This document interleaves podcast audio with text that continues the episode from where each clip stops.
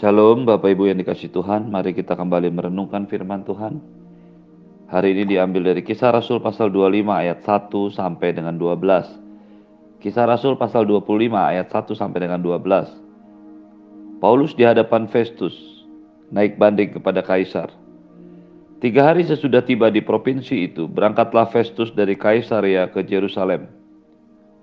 Di situ imam-imam kepala dan orang-orang Yahudi yang terkemuka datang menghadap dia dan menyampaikan dakwaan terhadap Paulus.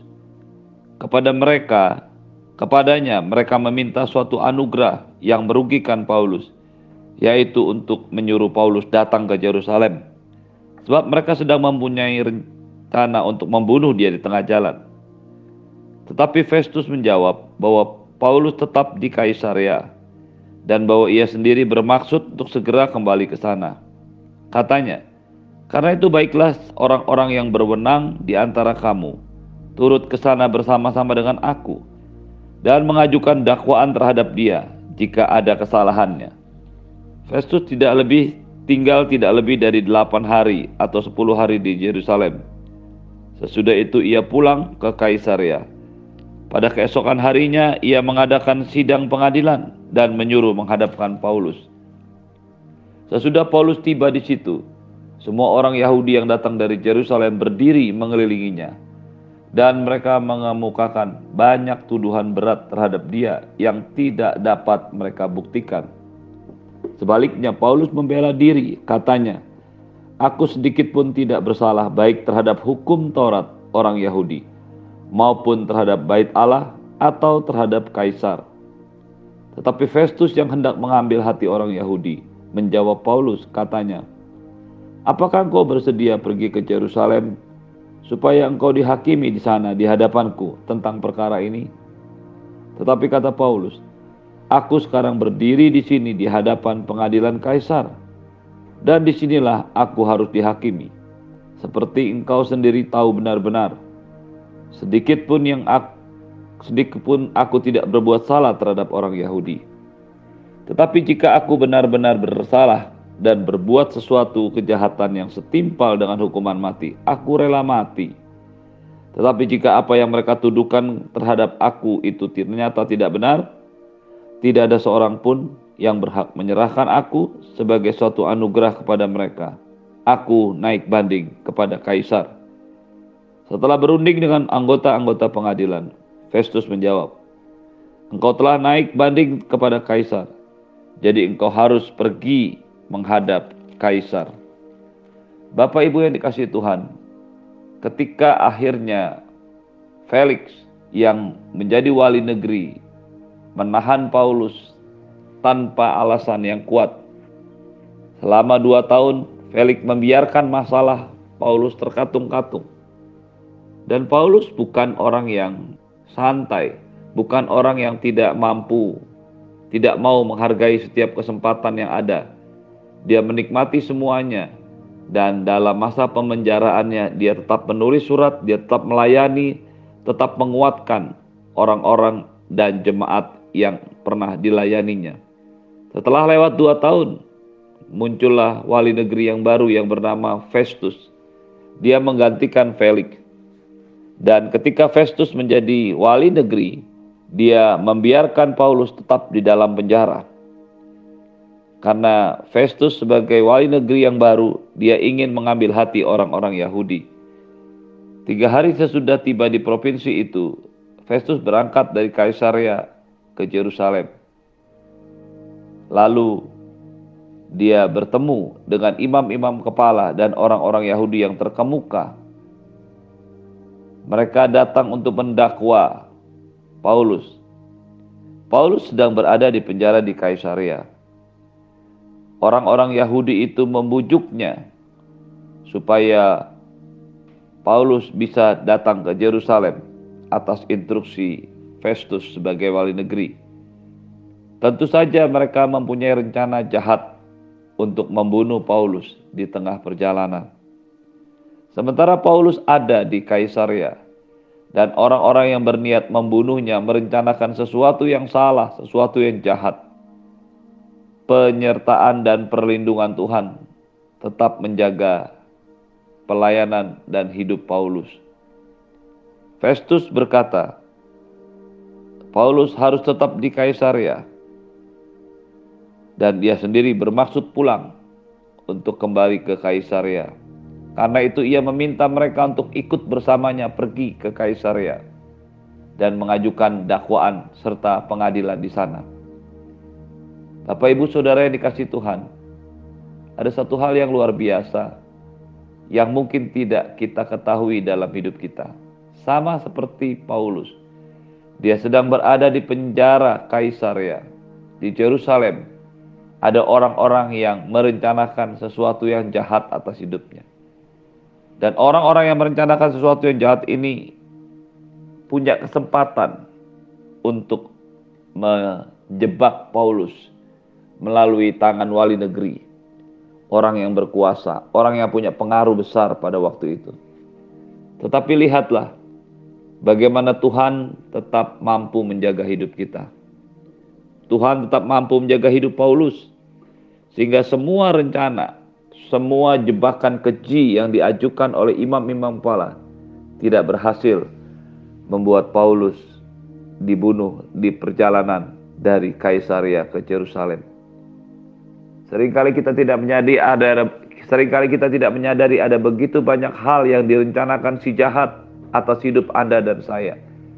Dan Tuhan dengan pemeliharaannya yang sempurna, dengan rencananya yang besar, dengan kehendaknya yang luar biasa itu menjagai Anda dan saya dari semua kecelakaan, dari semua mara bahaya, dari semua penyakit, dari semua yang memang tidak seharusnya Anda dan saya terima dan alami.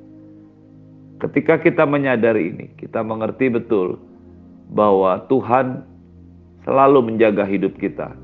Walaupun kita tidak melihatnya, kita tidak tahu apa yang terjadi, tapi Tuhan memelihara, menjaga, dan melindungi kita dengan sempurna. Ketika akhirnya Festus kembali ke Kaisaria dan bersama-sama dengan orang Yahudi, mereka mengadakan sidang untuk yang kedua kalinya bagi Paulus di Kaisaria. Dakwaan yang diajukan begitu berat oleh para imam kepala, orang-orang Yahudi yang memang diutus untuk memenjarakan dan menghukum mati Paulus. Tetapi apa yang dikatakan Paulus ketika ia diberikan kesempatan untuk membela diri, maka dia menyatakan sebuah kebenaran. Aku sedikit pun tidak bersalah, baik terhadap hukum Taurat orang Yahudi maupun terhadap bait Allah atau terhadap kaisar. Semua tuduhan yang dikatakan oleh orang-orang suruhan imam kepala, orang-orang Yahudi terkemuka, bahkan juga imam-imam yang datang untuk mendakwa Paulus berangkat dari dari Yerusalem ke Kaisaria. Tidak ada satupun bukti yang mereka bisa ajukan. Dan Paulus menyatakan dengan jelas bahwa ia tidak bersalah sedikit pun, baik terhadap hukum Taurat, baik terhadap orang Yahudi, hukum Taurat orang Yahudi maupun terhadap bait Allah dan juga terhadap kaisar. Festus tahu bahwa orang-orang ini yang mengajukan dakwaan terhadap Paulus tidak punya bukti yang kuat.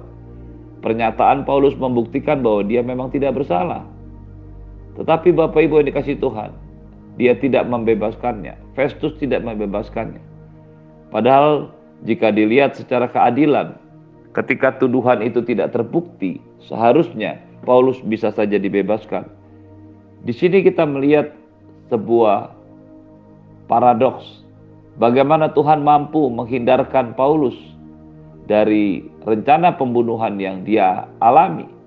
Tetapi Tuhan membiarkan Paulus tetap ada dalam penjara.